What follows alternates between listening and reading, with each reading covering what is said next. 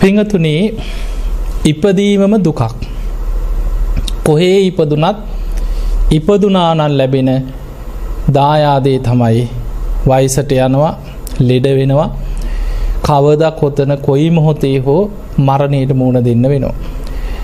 බුදුරජාණන් වහන්සේ පෙන්නුවේ නත්ති ජාතස් සමරණ. උපන්නා වූ කිසිම කෙනෙකුට නොමැරීන්න පුළුවන් ක්‍රමයක් නෑ කියෙන්. රජෙක්කුණත් සක්විති රජකං කරත්. මුළු ලෝකෙම පාලනය කරගෙන අහසින්ගේ රජ කෙනෙක්කුණත් මරණයට මූුණ දෙන්න සිද්ධ වෙනවා මයි. බුදු පසේ බුදු මහරහතන් වහන්සේලාත් පිරිනිවන් පෑව. උන්වහන්සේලාත් වයිසට ගිය. ඊළඟට බුදුරජාණන් වහන්සේත් ලෙඩ වුණා. ලෙඩ වෙන එක වයසට යන එක ඉපදුනානම් කාටත් සිද්ධ වෙන දෙයක්. දැන් දෙතිස් මහා පුරුෂ ලක්ෂණවනින් යුක්ත සාරා සංකේය කල්ප ලක්ෂයක් පාරමී පුරලා තිබිච්ච. බුදුරජාණන් වහන්සේ ගැන අපි කෙන භගවා ලෝකෙ භාග්‍යවන්තම කෙන. මහා පින්වන්තම කෙන. හැබැයි බුදුරජාණන් වහන්සේට ලෙඩ හැදුන් නැද්ද. උන්වහන්සේට බේලුව ගමේදි මාරාන්තික බඩේ අමාරුවක් වැලදෙනවා.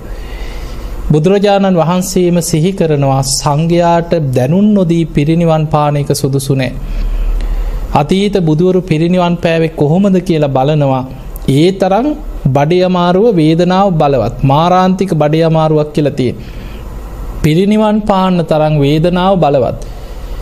ඒවෙලේ උන්වහන්සේ බුදුවරුන්ට පුළුවන් ඉරදිපාද බලයෙන් චන්ද චිත්ත විරිය වීමන්සාකන ඉරදිපාද තුළ පිහිටල අධිෂ්ඨානයක් කරා ආවි සංස්කාර අධිෂ්ඨාන කරගත්තා.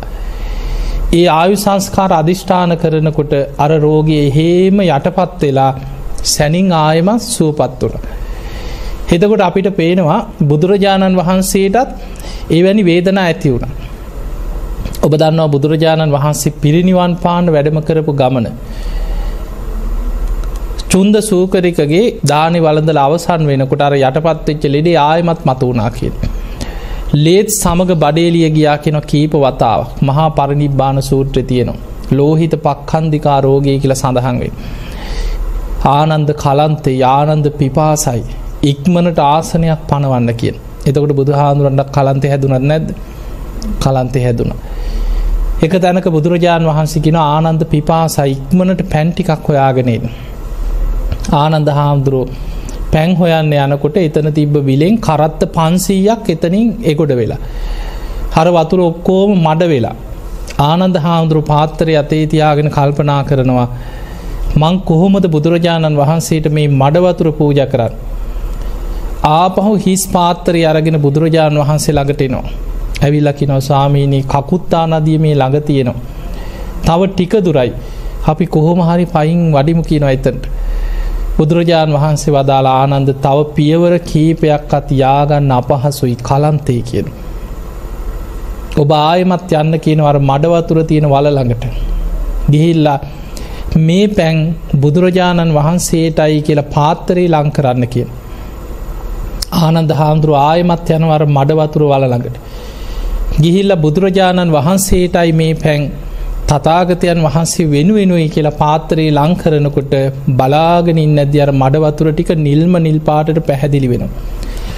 ඒ වෙලාවේ ආනන්ද හාමුදුරුව ඉක්මනට පැන් එකක් පෙරලා අරගෙන බුදුරජාණන් වහන්සේ ළඟට ඇවිල්ල පූජ කරනවා පිවතු බන්තේ පානියන් ඉක්මනට ස්වාමීනි මේ පැන්ටික වලදන්න. පිවතු සුගතුව පානියන් සුගතයන් වහන්සේ ඉක්මනට මේ පැන්ටික වලදන්න කිය. ඒනම් බුදුහාදුරන්ටත් කලන්තය හැදුන පිපාසය හැදුන බුදුරජාණන් වහන්සේත් ලෙඩ වුණා. ඊළඟට උන්වහන්සේට දැන් ලේත් එක්ක බඩේලිය ගයා ගැන බඩවැල්ලොල තුවාල තියෙන්නේ නිකන් ලේ යන වැනි ඒනම් අපිට පේනවා බුදුරජාණන් වහන්සේත් දරාගෙන හිටිය ලෙඩ වෙන ශරීරයක් මයි. ඊළඟට දේශනාවල තියෙන බුදුරජාණන් වහන්සේට දරුණු කොන්ද අමාරුවක් තිබුණකින විටිං විට හිටි ගමන් වැඩි වෙනවා. සමහර දවස්වලට බුදුරජාණන් වහන්සේ ධර්ම දේශනා කරද්දී ටික වෙලාවක් බණ කියනකොට කොන්දරි දෙනවා ඉන්නම් බෑ.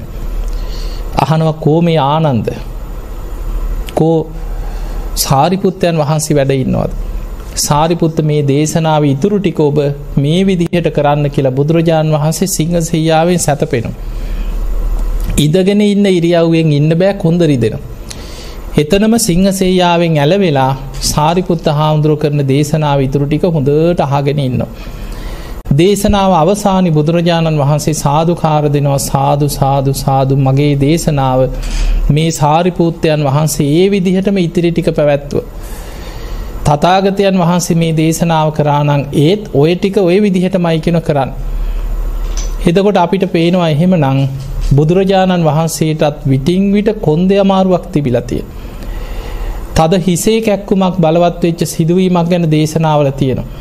ඒ සමහර දේවල් වලට කර්ම විපාකෙනවා අයි බුදුනා කියලනෑ බුදුරජාණන් වහන්සේ දේශනා කරනවා ආනන්දය තතාගතයන් වහන්සේ පාරමී පුරාගෙනන එක සංසාර ගමනේ. එක ආත්මයක මල්ලෝපොර සූරයෙක් කියනවා. ඔය පොරකාගන්න ගහගන්න තියෙන මල්ලෝපොර.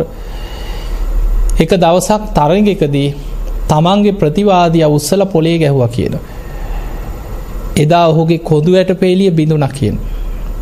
ඒක විපාකයක් හැටියට ආත්ම ගානක් කොන්දේ අමාරු ඇතුව සසර ඉපදීපදියාව කියෙන්. බුදුවෙ චාත්මෙත් විටිං විට බලවත් වෙන්නේ එහි එක විපාක කොටසක් කිය. ඊළඟට බුදුරජාණන් වහන්සේ තව තැනක දේශනා කරනවා ආනන්දේ තතාගතයන් වහන්සේ සසර ගමනේ. එක තැනකදී පිරිසක් මාළුවල්ලනවා. උන්වහන්සේ එතන මාළුවල්ලපු බවක් සඳහන් වෙන්න. තරුණ පිරිසක් මාළුවල්ල නො යාලුව ටිකක්. උන්වහන්සේ එතන්ට ඇවිල්ල ඒ දිහා බලාගෙන සතුටු වනා කියෙන්.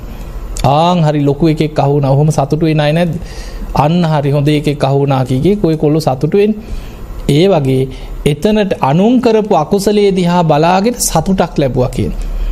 ඒක විපාකෙන් තද හිසේ කැක්කුමක් විටිං විට සසරි බලවත්ව වියාව කියන.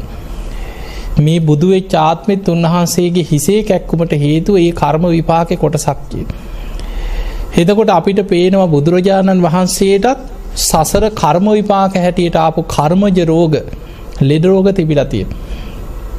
බුදුරජාණන් වහන්සේටත් හිටිය වෛද්‍යවරේ ජීවක. එතකොට බුදුරජාණන් වහන්සේට ලෙඩ වුණ. උන්වහන්සේ පිරිනිවන් පාන්න ආසන්න කාලය එනකොට වයසට ගිහිල්ල නැද්ද.